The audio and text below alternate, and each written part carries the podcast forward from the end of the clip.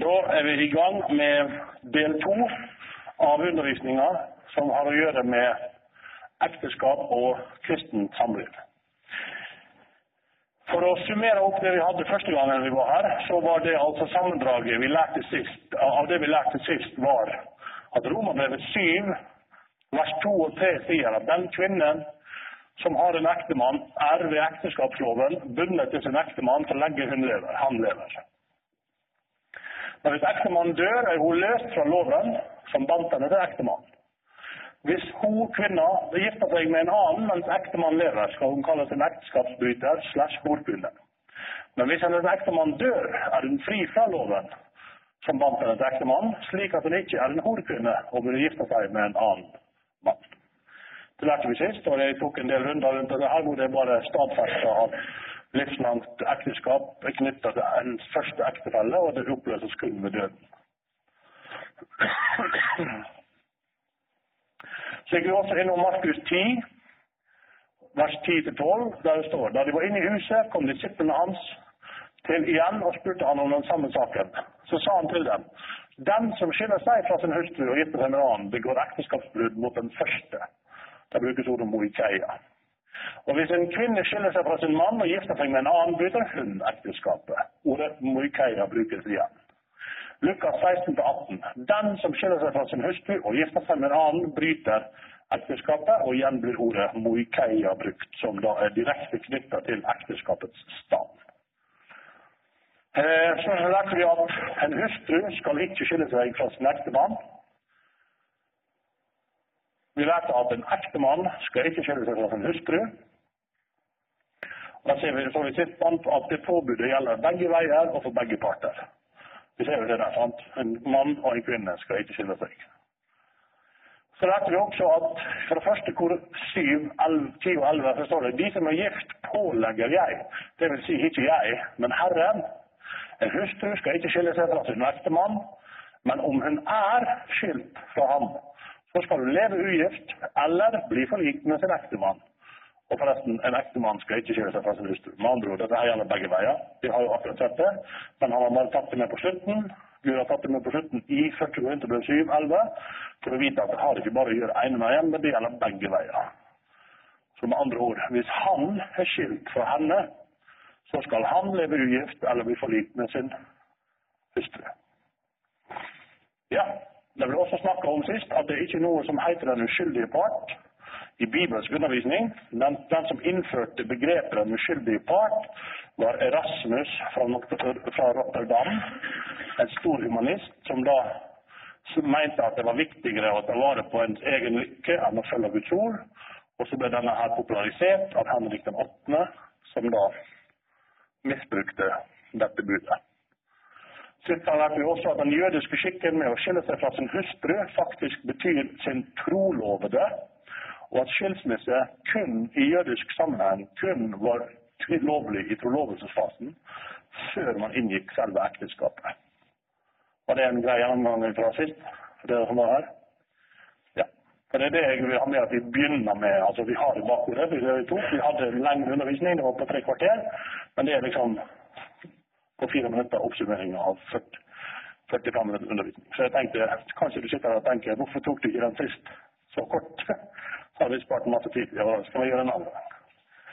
I dag heter undervisninga 'Men du kan vel ikke mene'. Og så har jeg lagt en del spørsmål i det henblikket at en del folk har en del innvendelser til den undervisningen, og jeg har prøvd å fange opp flest mulig spørsmål som dreier seg om dette. Jeg har til og med spurt pastor Tormod om han kan bidra med spørsmål. Det gjorde han, og vi har jobba i to dager for å få laga denne powerpointen. To hele dager så er det dagen fri fra andre jobb.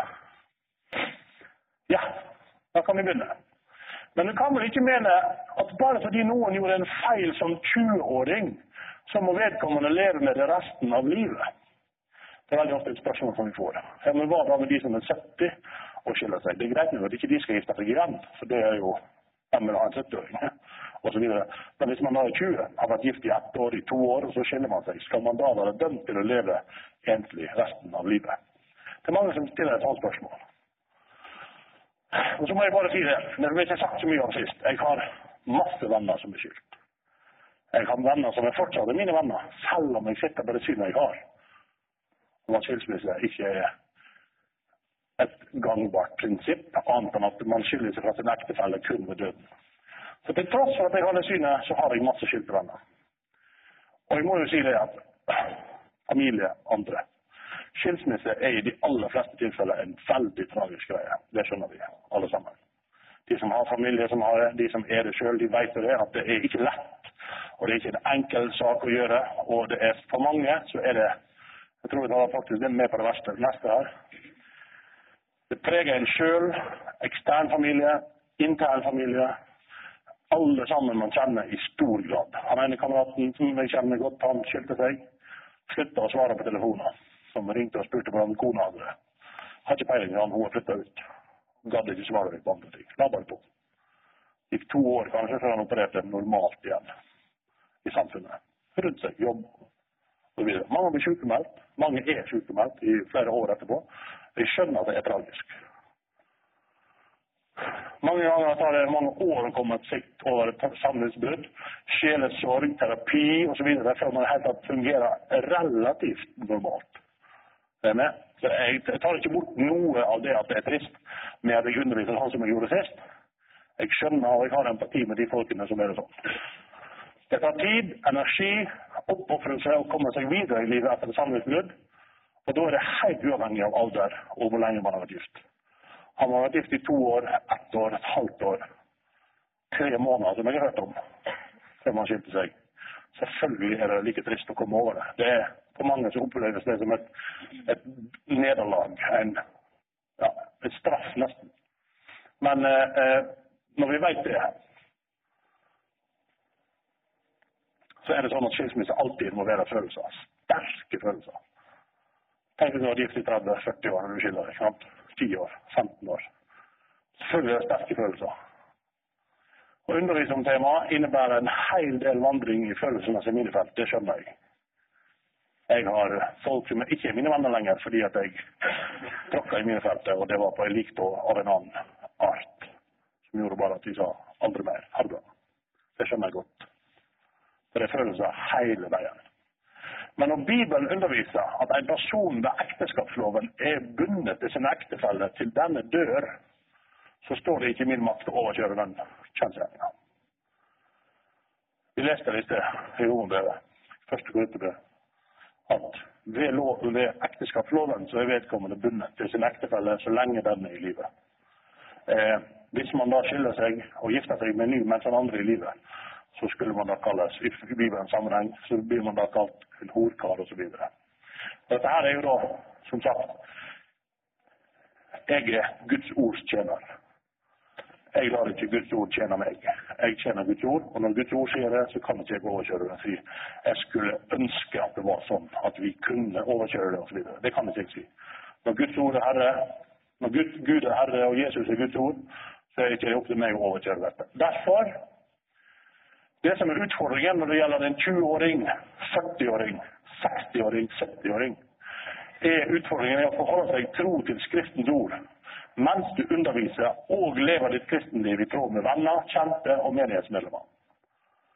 Det er jo det som er hele utfordringen når det gjelder Guds ord. Hvordan kan man praktisk sette Guds ords prinsipper og retningslinjer ut i praksis, praktisk handling og leveførsel. Det er jo det som er utfordringen med all undervisning i Guds ord. Derfor så må vi også prøve å gjøre det når det gjelder skilsmisse og gjengifte. Og ekteskapsbrudd.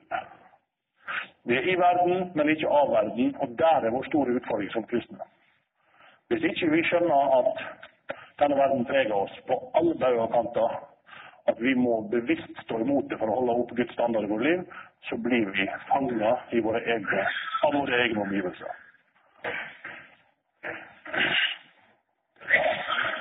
Men du kan vel ikke mene at Bibelens ord som er 2000 år gammelt, som fortsatt gjelder i dag, er det mange som sier. Og det har jeg et svar til. Gud, som for han er 1000 år en dag, en dag som 1000 år. For Gud har tid ingen betydning. Det Gud sa for 1000 år siden, det står han ved i dag. Det apostlene levde på, de prinsippene og de uttalelsene som apostlene levde på, de må vi leve på. På samme grunnlag for de. Ja, det er en utfordring. Datidens møtte ikke de samme utfordringene som vi har i dag, for de var så ganske homogene. De første kristne levde i og rundt eh, Middelhavet. sant? Det bredde seg etter hvert opp til England osv. Men eh, vi har en del utfordringer som ikke de har. Hørt. Og det er greit, det anerkjenner vi. Men samtidig så har vi også samme tingene vi må forholde oss til.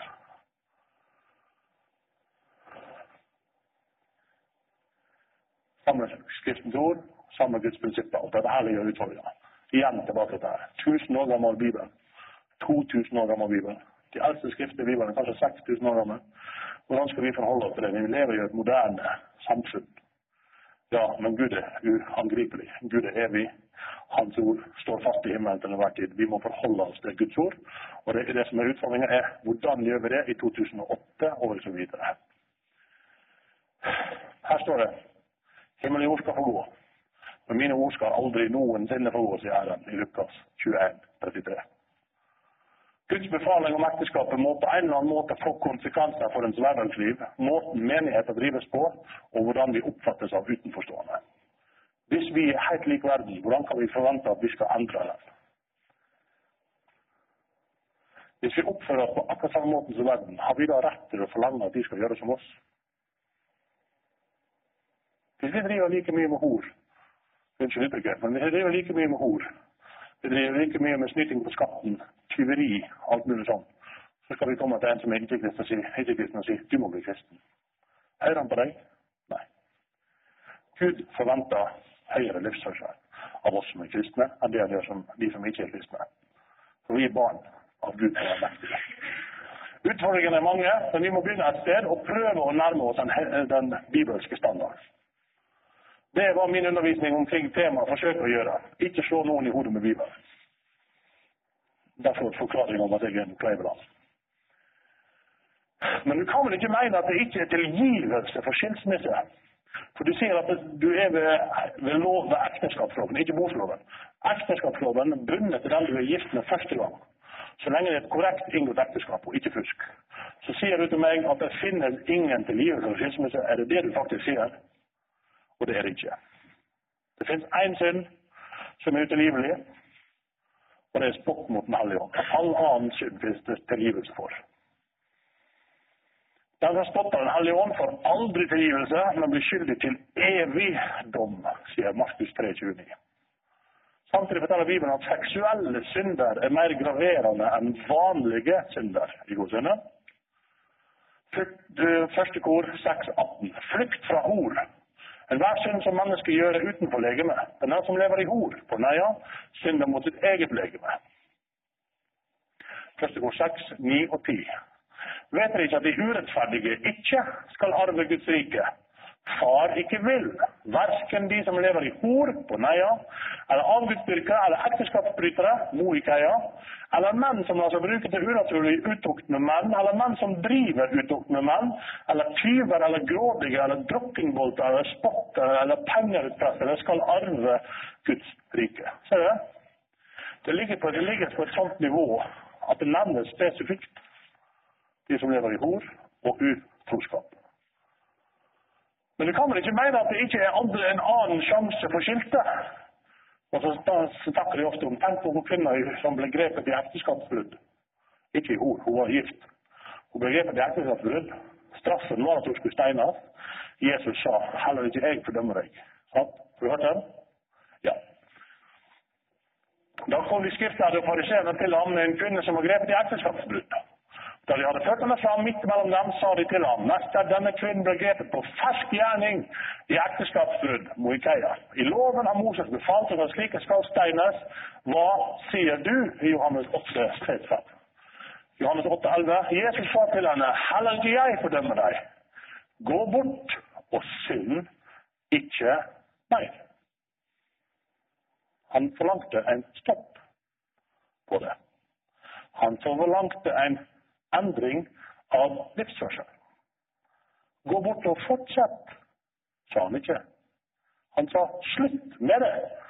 Jeg dreper deg ikke, som loven krever, men du får leve i nåden ved at du slipper å dø.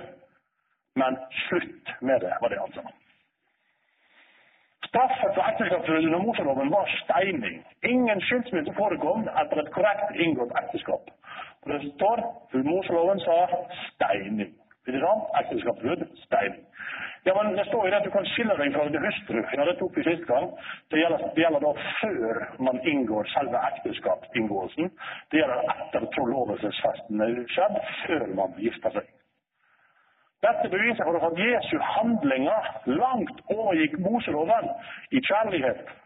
Selv om Guds ord presenterer forbehold og restriksjoner på det livet en kristen kan leve etter et tragisk sammenbrudd har forekommet. Stopp da litt. Ser dette her?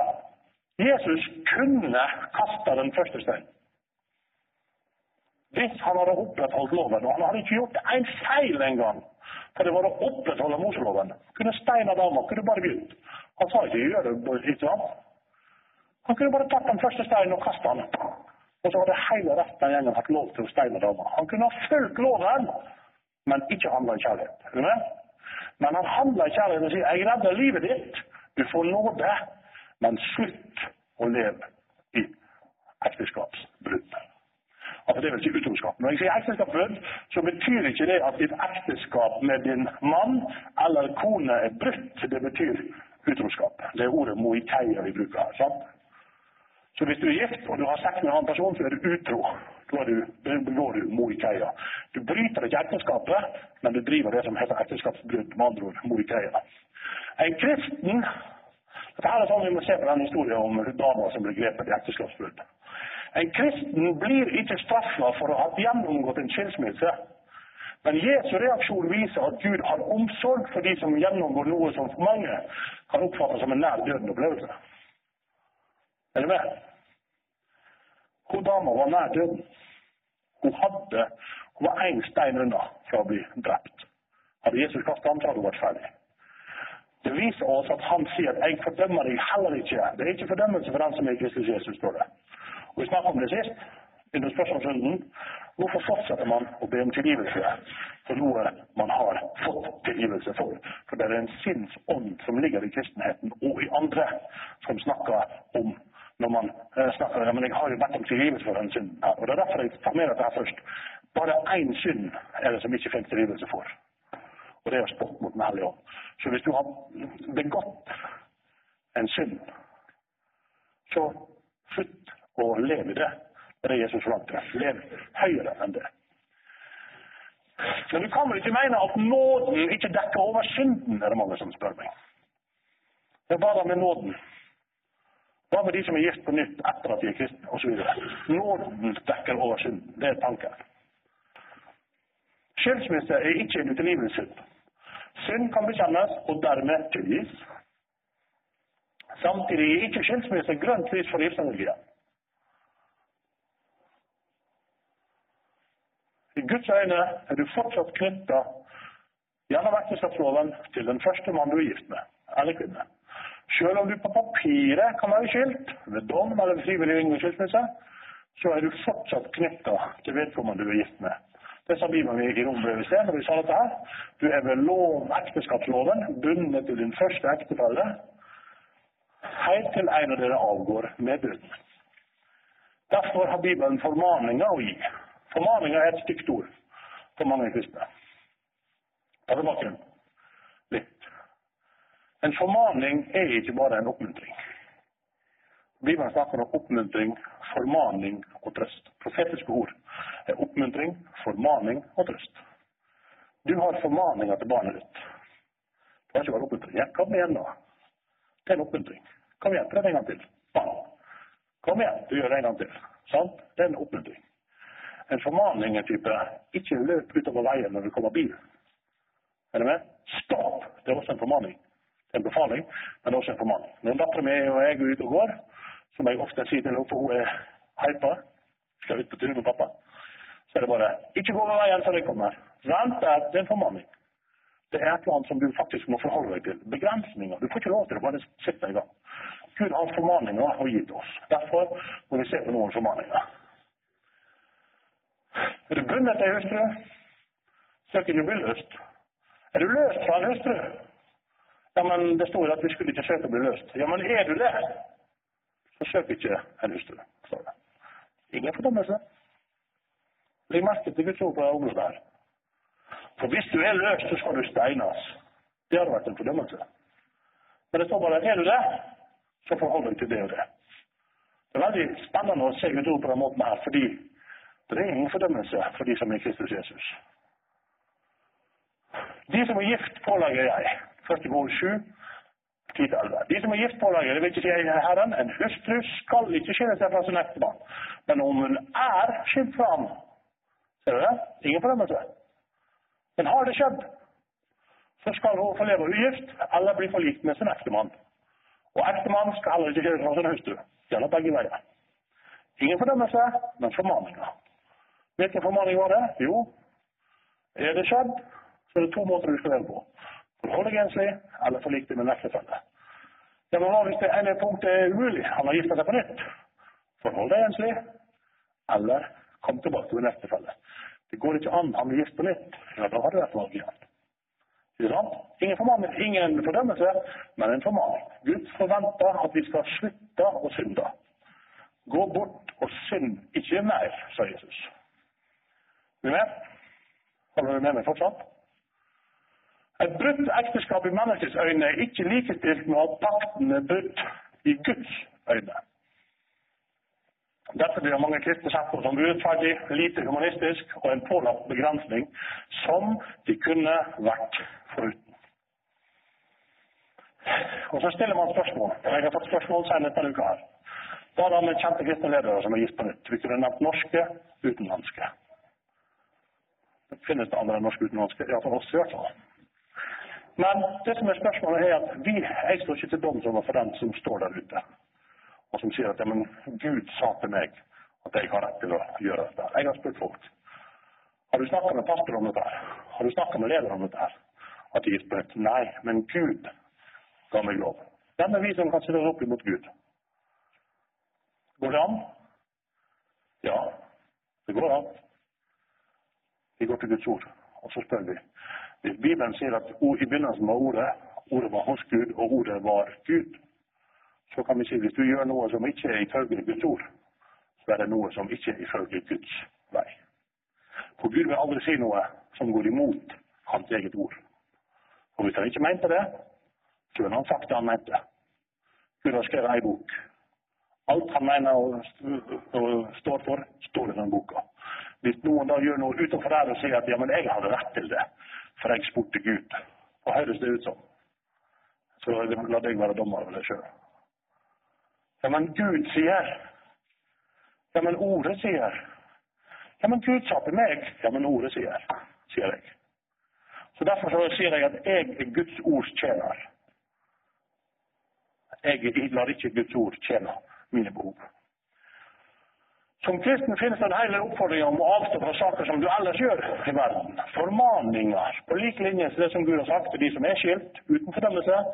Forhold deg enslig eller forlik med en ektefelle. Det er valget ditt. Andre formaninger. Skulle oppfordringene og formaningene i forbindelse med seksuell avholdenhet være så mye enklere enn alle de andre? Nei, fordi at ekteskapsbrudd og hor er så mye mer synlig mye mer synlig. Hvorfor tror du avisene elsker å fratse i kristne ledere som lever i utroskap? Grepet i et eller annet. De fratser i det. Det er så synlig. Derfor har Gud satt en del forordninger og formaninger til dette. En formaning til. En annen formaning. Bli ikke fulle av vin. Efesene 5.18. Heller ikke annen alkohol. Det er ikke en formaning til å drikke sprit eller hjemmebrygge og andre ting. Men spørsmålet er her en formaning som Gud har gitt oss på et annet område av livet, som vi aldri setter spørsmålstegn ved, egentlig. Ja, men jeg drikker, men jeg drikker meg ikke full, for det sier Bibelen. Men når det gjelder f.eks. ting som uh, ekteskap, så står det for forholdelig enslig eller gi forlikning med ektefelle. Ja, men det gjelder ikke meg. Jeg går videre. Jeg har snakka med Gud personlig, derfor kan jeg gjøre dette her, sier mange. Og så tenker vi ikke på at det er en formaning fra Gud som sier dette er det du skal gjøre. Og gjør du noe annet enn det, så lever du i direkte opposisjon til Guds ord. Er en annen formaning. Bli ikke full av vin. Du blir full av vin. Har du da opptatt i, kon i kontrast til Guds ord? Ja. Det har vi ingen problemer med ellers når det gjelder andre ting. Men når det gjelder ekteskap, som jeg sa, fordi det er tragisk, fordi det er så mye følelsesbilde. Det er minst to parter, om ikke tre parter, minst i et. Skjønner du? Derfor er det så mye følelsesbilde, og det er så vanskelig å forholde seg til det, for det er så synlig. Når han da kommer spaserende inn med dame nummer to, tre, fem, syv Det er så synlig. Så selvfølgelig, når vi har formaninger på andre områder, så må vi også vite at vi har det på ekteskapet. Første Peter 4, 2 og 3. Skal ikke leve etter menneskets lyster, men etter Guds vilje i den tid han ennå får i kjødet. For vi har brukt nok av vår tidligere levetid på å gjøre hedningenes vilje, da vi levde i skamløshet, lyste, drukkenskap, festing, drikkelag og avskyelig avgudsdyrkelse. Høres ut som man forventer seg en viss endring. sant? Første kor 10 disse hendelsene ble forbilder for oss, slik at vi ikke skal ha lyst til det onde, slik de hadde lyst til det onde. Vi skal ikke ha lyst til det onde, slik som de hadde det. Vi går videre. Ikle dere, Romane 13, 14. Ikle dere Herren Jesus Kristus og ikke plei kjødet, slik at lystne vekkes. Galaterne 5,13. For dere, brødre, er blitt kalt til frihet. Bruk bare ikke friheten som en anledning for kjødet, men kjem hverandre ved kjærlighet. Her er det noen nøkkelord som er henta inn, som er kjødet, lysten, menneskelige lyster. Og du vet sikkert hvor du skal. Ja, jeg hevder at folk som gifter seg på nytt, pleier kjødet for mye i forhold til Guds ord. Jeg kommer til å grunnlegge det underveis, men det høres veldig sterkt ut når jeg sier det sånn direkte at ja, men det var ikke det som gjaldt for alle. Jeg sagt jeg skal prøve å forklare det med mange flere bibelvers. Hvis Gud har en forordning som sier 'forhold deg enslig eller forlik deg med en ektefelle', og du går videre til den, har du da fulgt Guds oppfordring? Sånn som jeg ser det, så har du ikke det. Derfor så må jeg grunnlegge det med flere bibelvers. Efeserne 2, 1-3. Også dere gjorde han levende, dere som var døde i deres overtredelse og synder. Dere som en gang vandret i, etter, etter tidsånden i denne verden, etter fyrsten over luftens makt, den ånd som er nå virksom ulydige, i ulydighetens barn. I disse levde også vi alle, for i vår kjødslyster før i våre kjødslyster. Og vi gjorde det som kjødet og tankene ville. Vi var av naturen vredens barn, slik som de andre. Tankene. Kjødet ville. Ser du? Tankene og kjødet spiller på lag i dette tilfellet her. Ser du? Vi gjorde det som tanken ville, vi gjorde det som kjødet ville. Hvis kjødet ditt vil noe, og tankene spiller langs, så gjør du akkurat det som kjødet vil. Romerne 12,2. Bli dannet lik denne verden, men bli forvandlet ved fornyelse av sinn, så dere kan prøve hva som er den gode og velbehagelige og fullkomne Guds vilje. Så sier jeg at Et sinn som ikke er fornya på området kristent samliv, vil mesteparten av tiden ta menneskelige baserte avgjørelser, ikke gudfryktige. Og jeg kommer til grunn, grunn i enda mer. Nåde er ikke en unnskyldning for å fortsette å gjøre feil. Gå bort og synd ikke mer, sa han. Jeg har redda livet ditt, du skulle ha dødd. Jeg har redda livet ditt, du kom ut på andre sida. Gå bort og synd ikke mer. Nåde er Guds måte å sørge for at du ikke får straffen for dine feilsteg nå med en gang. Sånn som kvinner som ble grepet av utroskapet som mann. Gud kunne rettferdig har sagt at Jesus kan kaste den første steinen. Hadde han gjort det, så kunne alle de andre fulgt på. Det som skjedde, var at alle de andre begynte å tenke på seg sjøl. Jeg er ikke uten synd. Kan jeg kaste den første steinen? Nei. De eldste gikk bort først, og så de yngre. ikke sant? De eldste gikk først, så de skjønte at jeg er gammel, jeg har gjort masse feil. Uh, uh, Nåde er Guds måte å sørge for at du ikke får straffen for dine feilsteg nå sånn som de gjorde i den gamle pakt. Hva skjedde med israelsfolket som synda? I ørkenen. Gud åpna jorda. Tusenvis borte. Er det? Straffen kom umiddelbart. Vi lever nå i nådens tidsalder. Derfor er det sånn at når folk ser en person som har fått seg en ny ektefelle, og han skylder på den andre ektefellen som han var gift med. Det var hennes skyld. Jeg, jeg er uskyldig. og gifter seg med en ny. Så klarer de å leve, kanskje, til de dør her på jorda. Med vedkommende og sier se, jeg levde fortsatt i Guds plan i 10-15-20 år med sitt liv. For vi lever i nådens tidsutholdning, så får ikke vi straffen eller mangel på lønn før vi kommer til himmelen. Bibelen sier at når vi kommer til himmelen, vi kristne, så skal vi ikke innenfor dommens eh, domstolen, Guds domstol, vi skal innenfor Kristi domstol. Vi skal ikke få straffen som havner oss i helvete, men vi skal få lønn for det vi har gjort. Og Der står det hver og ens arbeid skal prøves. Og Hvis du på denne grunnvoll som er Kristus har bygga ned edle steiner osv., så, videre, så skal du komme inn. Men i det arbeidet du har lagt opp på grunnvollen som er Kristus, etter du ble frelst, er strå, høy og halm, så skal du komme inn i himmelen, men alt arbeidet ditt skal brennes opp som i ild, står det. Derfor kom tanken om skjærsilden.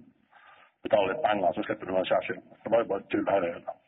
Men saken er at når du kommer inn, inn for, for domstolen når du er død, eller han henter oss, så går ikke du for Guds domstol, du går for Kristi domstol. Og da kan du få mangel på lønn av det du skal få når du kommer til himmelen. Ja, du kommer til himmelen fordi du er frelst av nåde, men hvis du bygger opp på det, så er det enkelte ting du vil gå glipp av.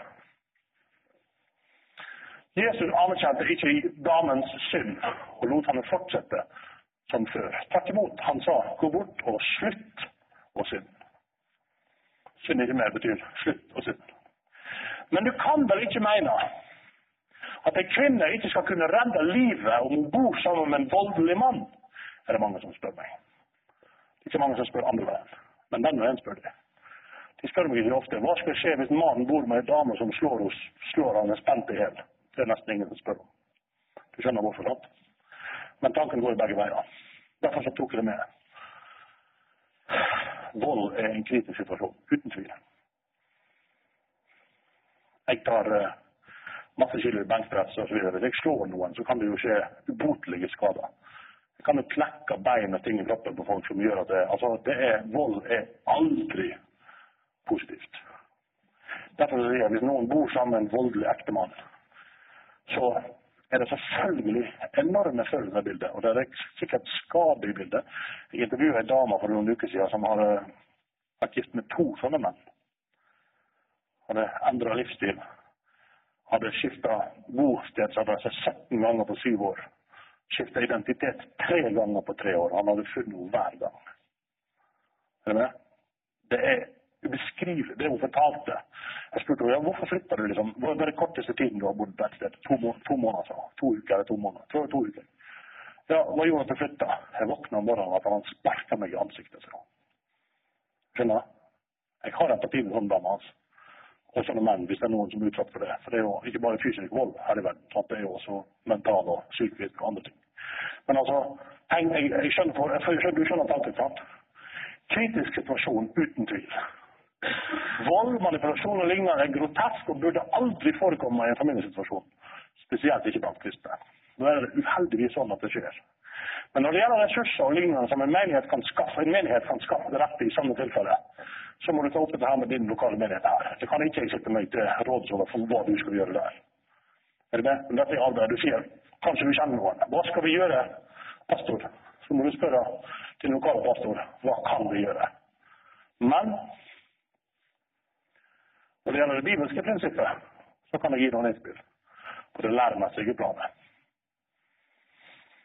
Bibelen gir råd om hvordan du kan redde et ekteskap. Hvis ekteskapet er så dårlig at det ser ikke ut til å bli redda, så er det en vei Gud oppfordrer oss til å gjøre noe med det. Første kor 7-5.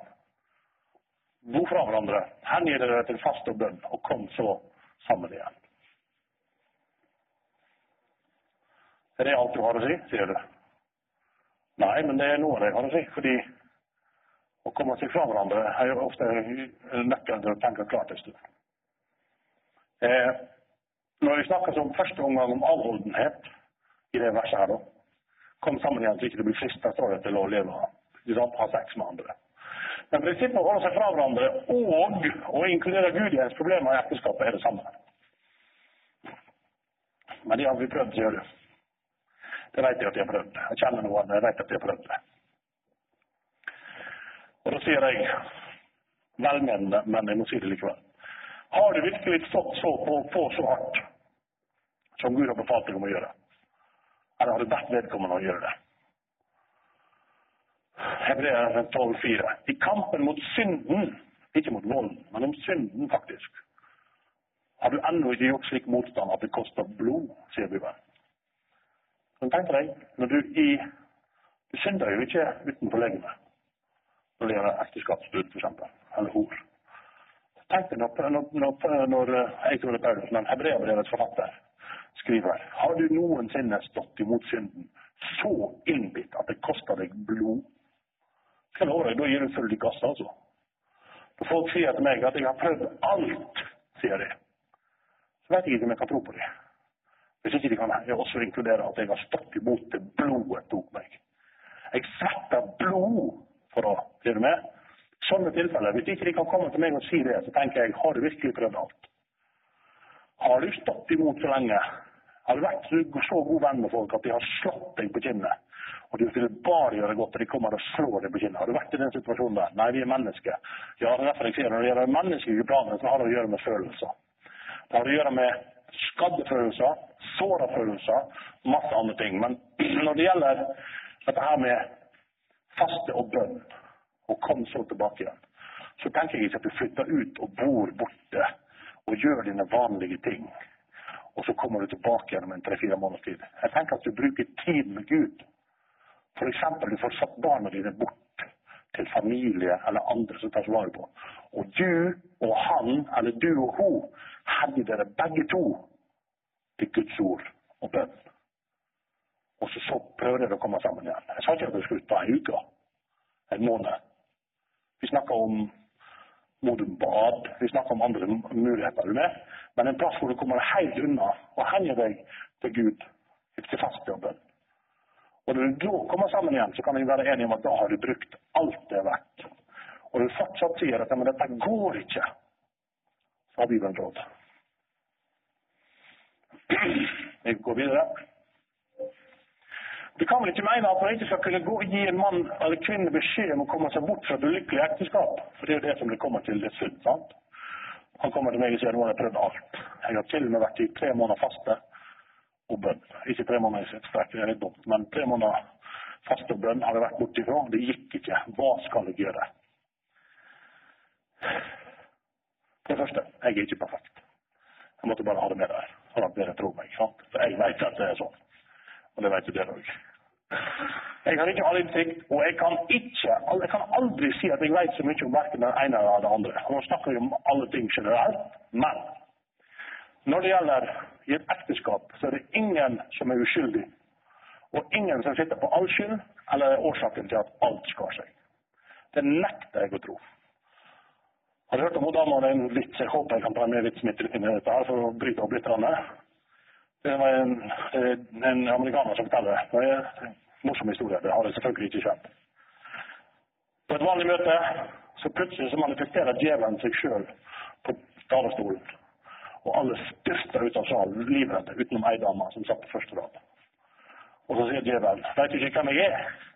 'Jo', sa dama, 'jeg vet hvem du er'. 'Er du ikke redd?' 'Hvorfor skal jeg være redd? Jeg har vært gift med broren din i 30 år.' sier hun.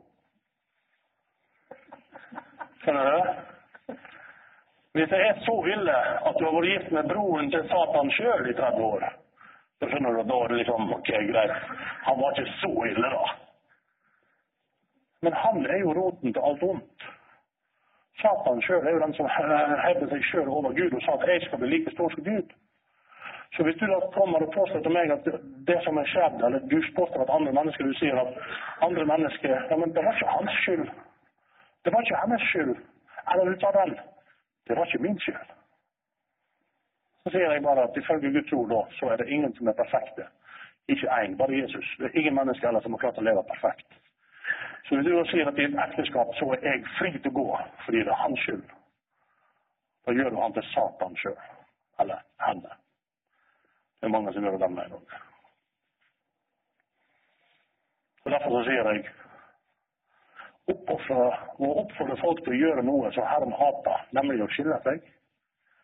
Herren sier jeg hater skilsmisse. Jeg ønsker ikke at noen ledere i en kristen menighet skal gjøre det. Fordi da setter dere til doms over det ekteskapet. Ja, du har rett. Det var hennes feil. Det var hans feil. Er du med? Om en kvinne mann bestemmer seg for å forlate sin ektefelle, så må dette være vedkommendes personlige beslutning. Gud sier ikke gjør det. Gud sier en mann skal ikke skilles fra sin hustru. En kvinne skal ikke skilles fra mann. Prøv alt du kan. Gå fra hverandre i en periode.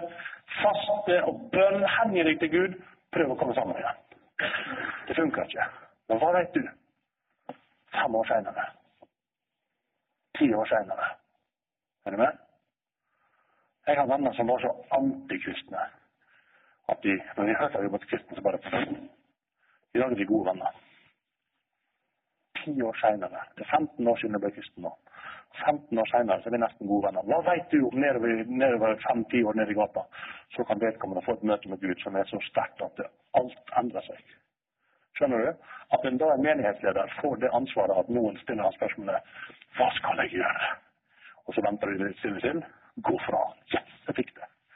Altså, du skjønner, jeg tar ikke rett på det, sant? men du skjønner at Vi gjør det litt fortere så ikke jeg mister tiden. Så går du og sier jeg skylder meg, for det sa pastor så og så.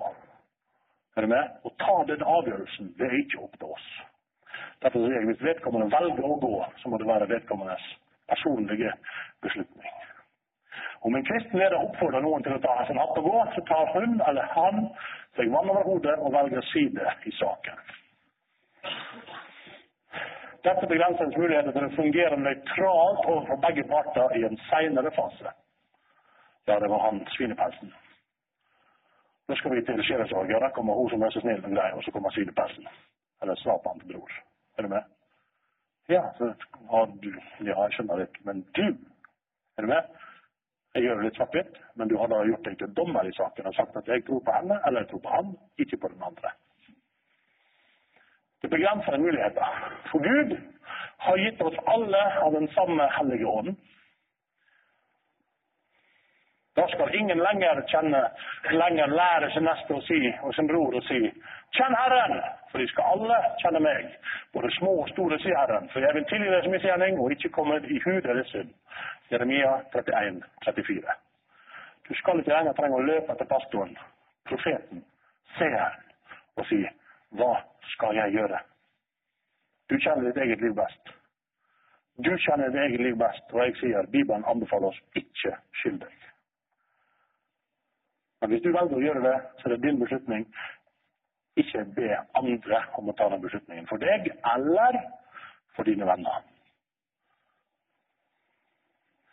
Matteus 19,6. Det Gud har sammenføyd, skal ikke noe menneske skille. Også en formaning. Befaling og en formaning.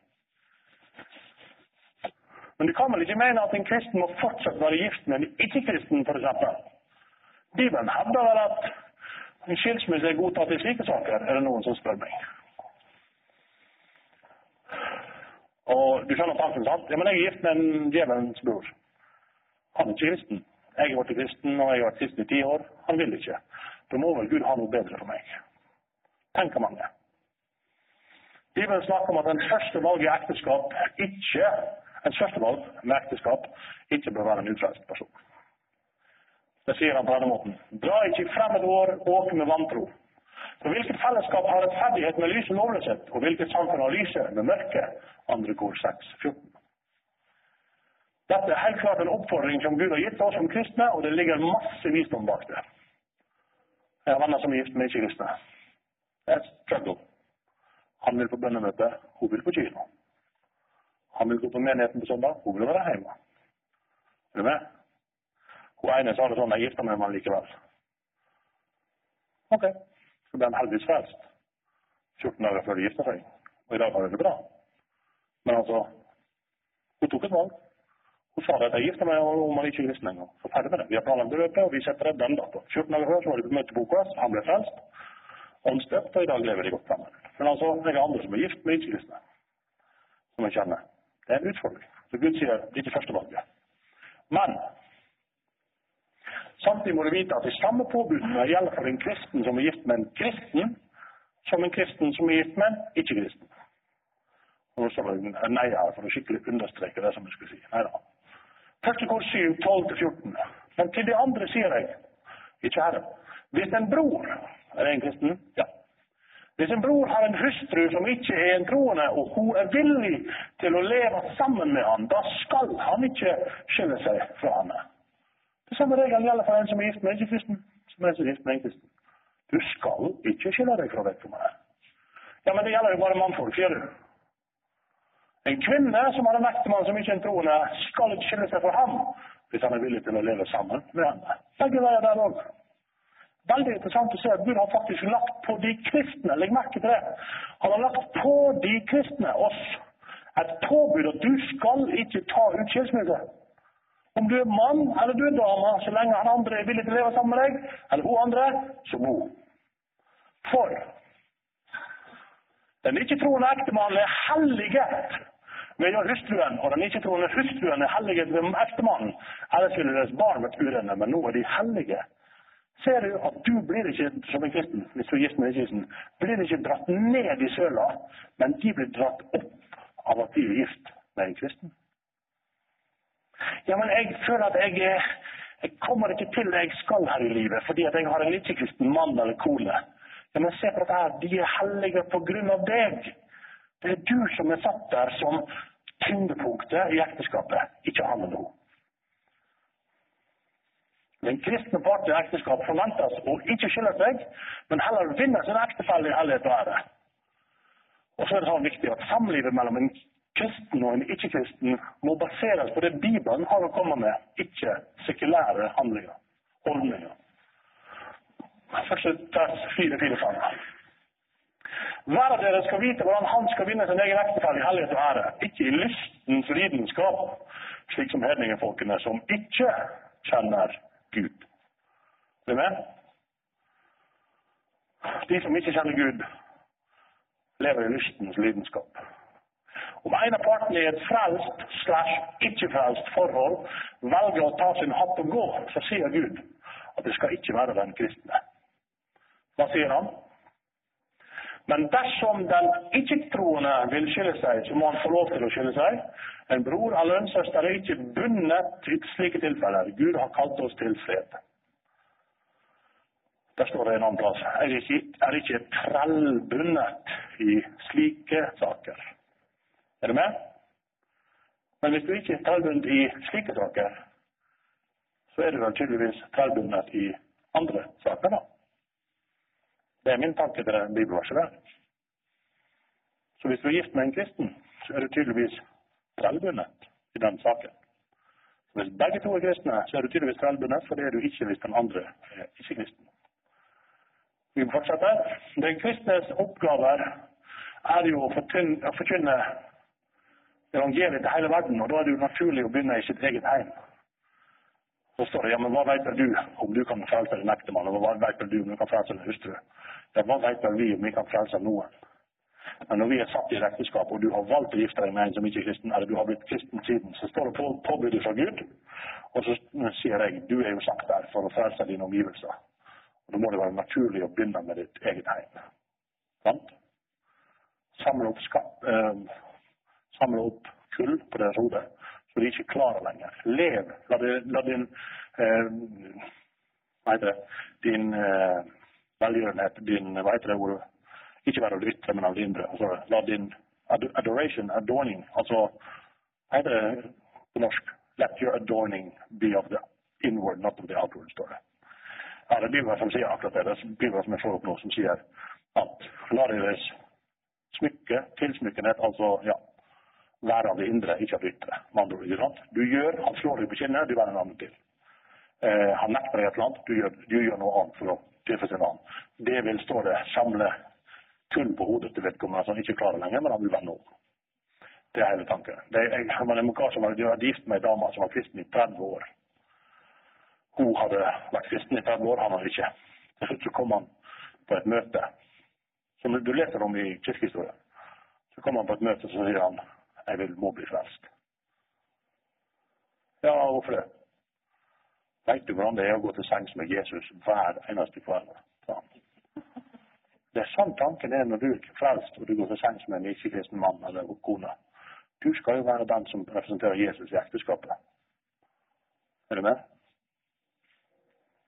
Den historien forteller også om andre som har gift mye kortere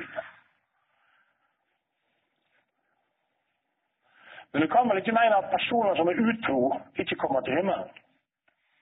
Det er forskjell på å bli overrumpla av synd og bevisst leve i den samme synd. Og nå er vi inne på utroskap blant gifte, blant kristne. Det er mange som sier ja, utroskap må jo være grunn nok til å, til å, å skille seg. Nei, sier jeg, for du er bundet hele livet. Ja, men hva da? De som lever i utroskap, kommer ikke til himmelen. Spørsmålet ofte er Folk som har levd Altså, de sier det sånn. Men du sier jo Du er jo så hard at du sier det. Si det til meg, da. Du er jo så hard. Jeg har Vel, ikke her i hvert fall. Ikke rundt hjertet heller. Men det som er saken, de kommer meg. Du som har sånne harde meninger. Hva da med en som har vært gift samkristen. Levd 40 år med Magda, eh, Elisa, og kommer så til å skille seg, og skifter seg på nytt. Han gifter seg på nytt med han. Skal han da ikke være eldste eller leder i en forsamling? Hva da med Gunnar, eh, Lars, Erik, eh, Svein, som har levd med 30 damer, og så gifter han seg med 31. Han har ikke gifta seg med noen av dem, han har bare hatt sex med dem. Så gifter han seg med 31. Skal han få lov til å være eldst i en menighet? spør mange. Eller leder? Lavleder, mellomleder, høyleder? Ivar har jo brukt et eksempel her. Ivar har jo aldri gjort noe galt. Han har vært medlem i menigheten hele livet. Skylder seg gifte seg på nytt. Så kan ikke han altså være leder i en menighet pga. utroskap? Er det så farlig med utroskap at vi faktisk ikke kommer til himmelen? Er det mange som spør. Et legitimt spørsmål. Jeg spør hva sier Guds ord om saken? Matteus 3,8. Bær derfor frukt som er omvendelsen verdig. Ja, men Det er i Nye testamentet, sier du. Det er, nye, det er den gamle pakt. Lukas 3,8. Vær da frukt som er omvendelsen verdig, og begynn ikke å si til dere sjøl vi har Abraham som vår far. For jeg sier til dere at Gud kan reise opp barn for Abraham og disse steinene, sa Jesus.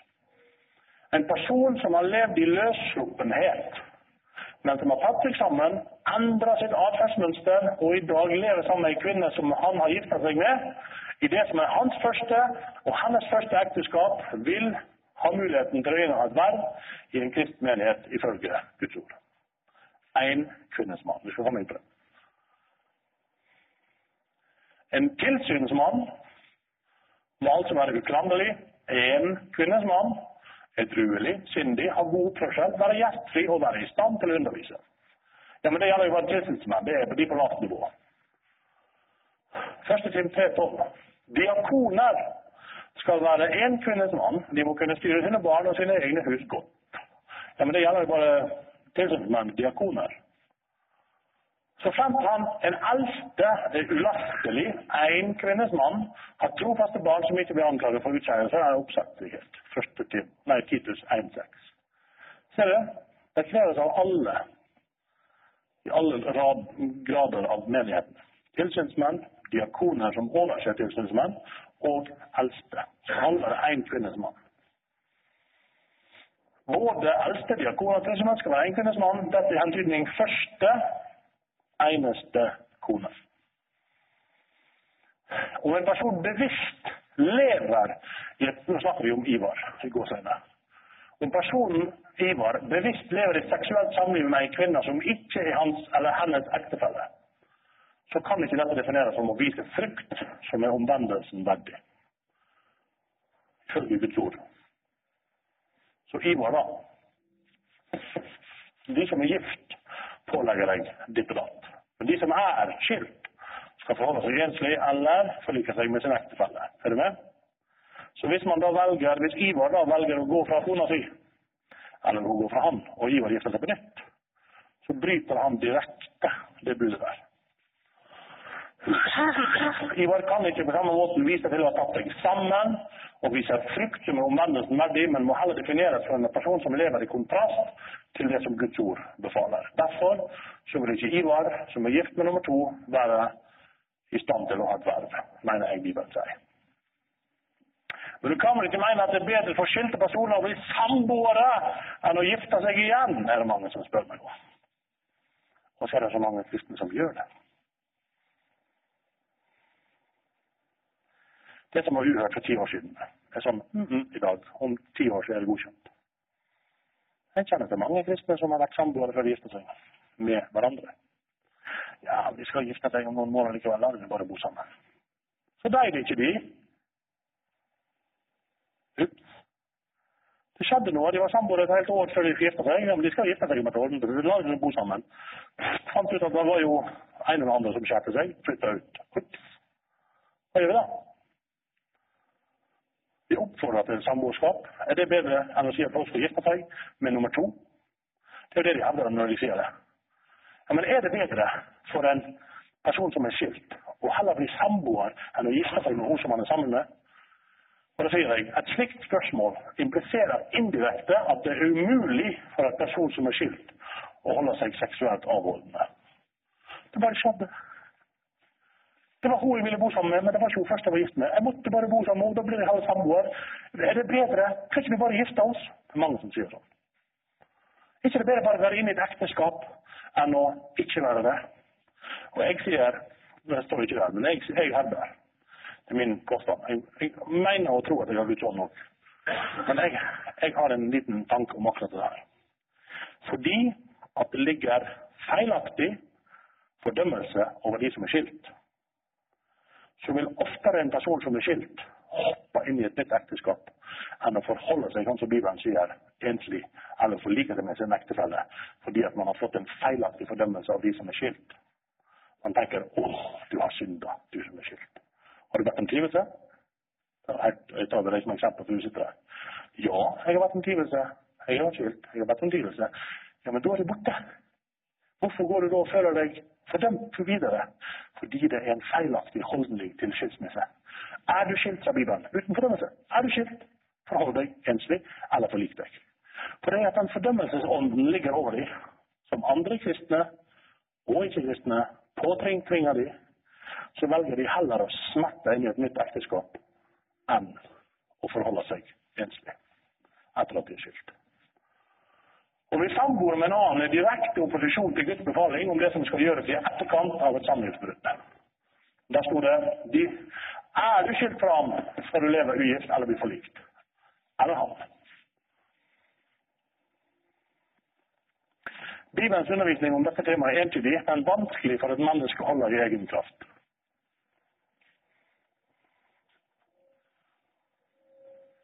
Derfor har jeg tatt med en del bibelvers som har å gjøre med dette her. Gud vil backe sitt ord. Det er derfor jeg elsker å være evangelist. Forkynne evangeliet. Gud stadfester det med tegnene der. Han elsker å stadfeste. Jeg trenger ikke overtale ham engang. Jeg tror han virker sammen med dem. Stadfester ordet med de tegnene som fulgte med. Det er noe Gud elsker.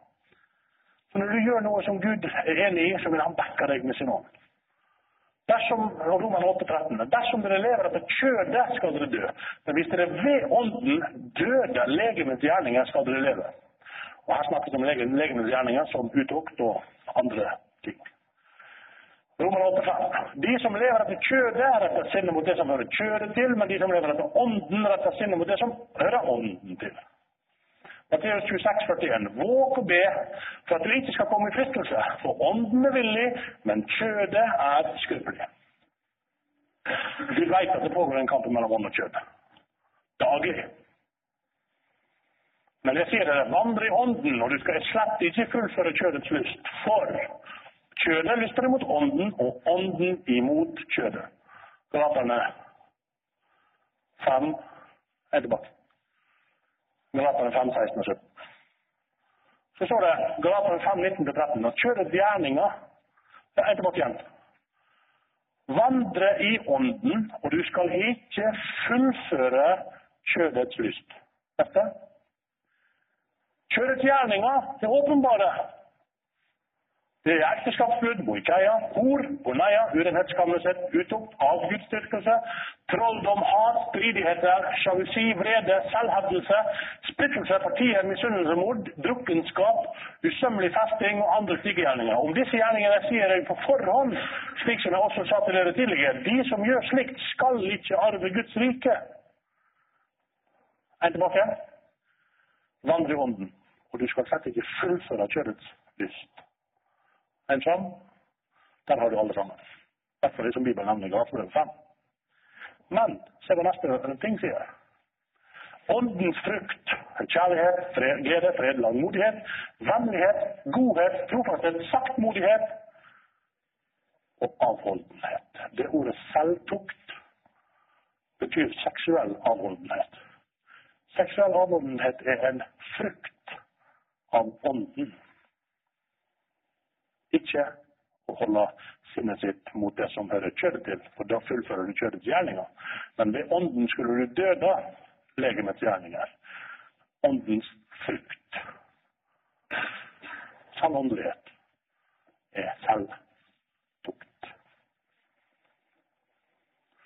Ettersom Jeg skulle høre noe spennende. Dette er bare nesten ferdig. Jeg har to slides til. Ettersom Hans guddommelige kraft har skjenket oss alt som skjer etter liv og gudfrykt, ved erkjennelsen av Han som kalte oss ved hellighet og guddomskraft. Ved dette er vi blitt skjenket de største og mest dyrebare løfter, for at dere gjennom dem skulle få guddommelig natur etter å ha flyktet unna fordervelsen som tilhører lysten i denne verden. Men nettopp dere skal også med all iver la deres tro vise seg i et ærbart liv. Det ærbare liv i kunnskap, kunnskap i avhold, avholdenhet i utholdenhet, utholdenhet i gudsfrykt, og gudsfrykt i broderomsorg, og broderomsorg i kjærlighet. Hallo, for en setning. Setninger. Men nettopp ja, For om alt dette er rikelig hos dere og stadig flyter over, da skal dere verken være uvirksomme eller ufruktbare i erkjennelsen av vår, Herre Jesus Kristus. For den som mangler disse ting, er så nærsynt at han er blind og har glemt renselsen fra sine tidligere synder. Fra 2. Peter 1, 3-9. Der. Se den regla som kommer nå. Du kan bare trykke sånn at alle kommer opp. 1, 2, 3, 4, 5, 6, 7. Var til alle. Det var det han sa. Jeg er tilbake. La deres tro vise seg i et ærbart liv. Troen din må føre til noe. Den skal bli føre, din kristne tro skal føre til et ærbart liv. Det ærbare livet skal føre til kunnskap. Kunnskapen skal føre til avhold, som det har å gjøre med avholdenhet. Avholdenheten i utholdenhet. Utholdenhet i gudsfrykt. Gudsfrykt i broderomsorg. Og broderomsorg i kjærlighet. Så du hvor langt den regla gikk før du nevnte kjærlighet? Tro virksom i kjærlighet, så ja, se alt som holder imellom. Kunnskapen skal føre til avhold, som fører til utholdenhet. Som fører til gudsfrykt, som fører til omsorg for brødrene og kjærlighet. Det er lange regler, så jeg tok ham bare fra det verset som tok foran. Neste. Derfor, mine kjære, når vi har disse løftene, så la oss rense oss fra all urenhet for kjød og ånd og fullføre vår helliggjørelse i frykt for Gud. Galaterne 5,16. Men jeg sier dere, vandre i ånden, og du skal slett ikke fullføre kjødets lyst, som vi så i sted. 1. Johannes 2, 16. For alt som er i verden, kjødets lyst, øynenes lyst og stolthet over livets gode, er ikke av Faderen, men av verden. Heftig kort på slutten. Jeg vil bare fullføre med dette her og si Hvorfor har du tatt med alt dette her om kjødets lyst og øynenes lyst og vandre i ånden, så ikke du fullfører kjødets lyst? Jo, jeg har et poeng. Men du kan vel ikke mene, det er mange som sier, at folk som er gift på nytt og har starta menigheter osv., faktisk lever i utroskap. Alle de versene som jeg har vist til nå, som Bibelen hevder, som snakker både om avhold og kjørets lyst og alt viser bare kort og greit at det du gir ditt sinn til, er der du heller sjøl. Har du blikket festet på det som er der oppe, så inkluderer det selvtukt, glede, fred osv. Har du blikket festet på det som kjødet liker, og som øynene liker, øynets lyst, kjødets lyst, så er det det du fullfører. Og en person som kommer til meg og sier at jeg er litt avholdende etter at jeg og kona skilte lag, så vil jeg se Jeg er litt avholdende 40 år etter at kona skilte lag. Jeg ser på dem på en helt annen måte enn jeg gjør på de som sier at jeg holdt ut i 40 uker før jeg gifta meg på nytt. Sjøl tok det åndens, en, åndens, en del av åndens frukt og bare si at Gud kom til meg og åpenbarte seg med Skriften på veggen og ta Elisa et eller annet til din ekte hustru etter at du var gift. Det får du ikke meg til å skjønne ut ifra det jeg leser fra Guds ord. Det snakkes om kjødets lyst. Vandre i ånden så ikke du fullfører kjødets lyst. Det skrives om dette hele tiden. Og Derfor så sier jeg at mennesker som da Jeg vet at det er trist, og det er en tragedie å bli skilt. Jeg er vokst opp i en familie som så langt tilbake jeg kan huske, så har ikke vært en eneste skilsmisse. Jeg er så velsigna. Jeg, jeg, jeg, har ingenting å skryte av. Jeg er født inn i dette. her. Så når jeg da hører at eh, noen i familien lurer på å flytte fra hverandre, så blir jeg helt sjokka. Hallo, er det sant?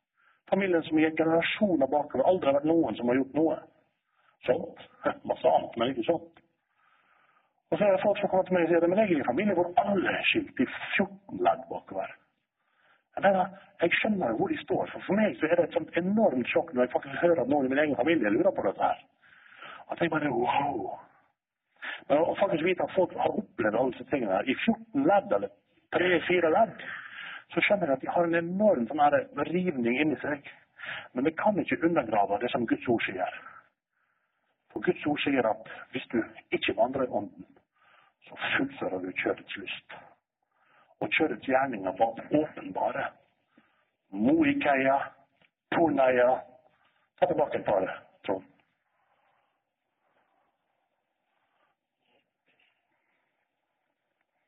En til. Kjødets gjerninger, der var de. Er åpenbare, står det. Det er åpenbart at det er kjødets gjerninger, står det. Hva er det? Ekteskapsbrudd, utroskap, løssluppenhet, hor, urenhet, skamløs utukt, avgudsdyrkelse, trolldom. Se på det som står i Bibelen, som nevnes bare i Bibelen. Dere driver med folk ting som ikke engang hedningene snakker om. At en av dere bor sammen med sin fars hustru. Er du med? Sterke Sannsynligvis var det ikke kona til faren, første kona, at det var hans egen mor, men sannsynligvis var det en ny kone. Da hadde han sikkert skrevet 'bor sammen med sin egen mor'. Men han sier 'bor sammen med sin fars hustru'. Jeg mener, det skjer ting som han sier bare Støt han ut ifra det, står det. Få han bort. De snakker ikke engang om sånt blant hedningene. Ja, hvorfor det? Korinterne. Å gjøre noe på den korintiske båten var jo sett på skikkelig som utførende livet. Så Derfor så sier jeg folk som da kommer og sier til deg at ja, men Gud sa til meg at jeg skulle ikke gifte meg på nytt. Jeg, jeg kjøper det ikke på grunn av det som Guds ord sier. Jeg kan skjønne det, det fysiske. At de sier å, det var så vanskelig å leve alene. At jeg valgte å gifte meg på nytt. Den kjøper jeg. Jeg har ikke det, men jeg kan ikke godta det fra Bibelen osv. Men jeg kjøper den. Og sier jeg hadde hatt sex med min kone, og vi hadde levd sammen i 20 år, og det var suksess. Og så skilte hun seg. Jeg klarer ikke å holde meg avholdende. Så jeg måtte bare gifte meg. Den kjøper jeg. Men du ser Gud kom og sa at forresten alt jeg har sagt i Bibelen om kjødets gjerninger, moikeia, porneia, uttukt osv. Bare gjør det, du. Det får du ikke meg til å kjøpe når det gjelder dette med å gifte seg på nytt, eksempel. For det er jo det som er tingen. For hvis du ser to frem igjen, så ser du troen skal vise seg i et ærbart liv. Ærbare liv i kunnskap, kunnskap i avhold, avholdenhet i utholdenhet, osv. Det er det Guds ord sier som skal være frukten av å leve et liv i ånden. Så Derfor her konkluderer min undervisning på del to, som er Men du kan vel ikke mene? Og Ut ifra Guds ord så kan jeg ikke si at jeg har ennå funnet et eller annet som kan underbygge det som mange kommer med. Av disse påstandene som da jeg har prøvd å hente en mange av, og det finnes sikkert flere, men kjødets gjerninger er åpenbare, sier Bibelen. Og Gud sitter ekteskapsbrudd, altså kontinuerlig utroskap, moikeia, i den båsen og sier at det er kjødets gjerninger. Amen.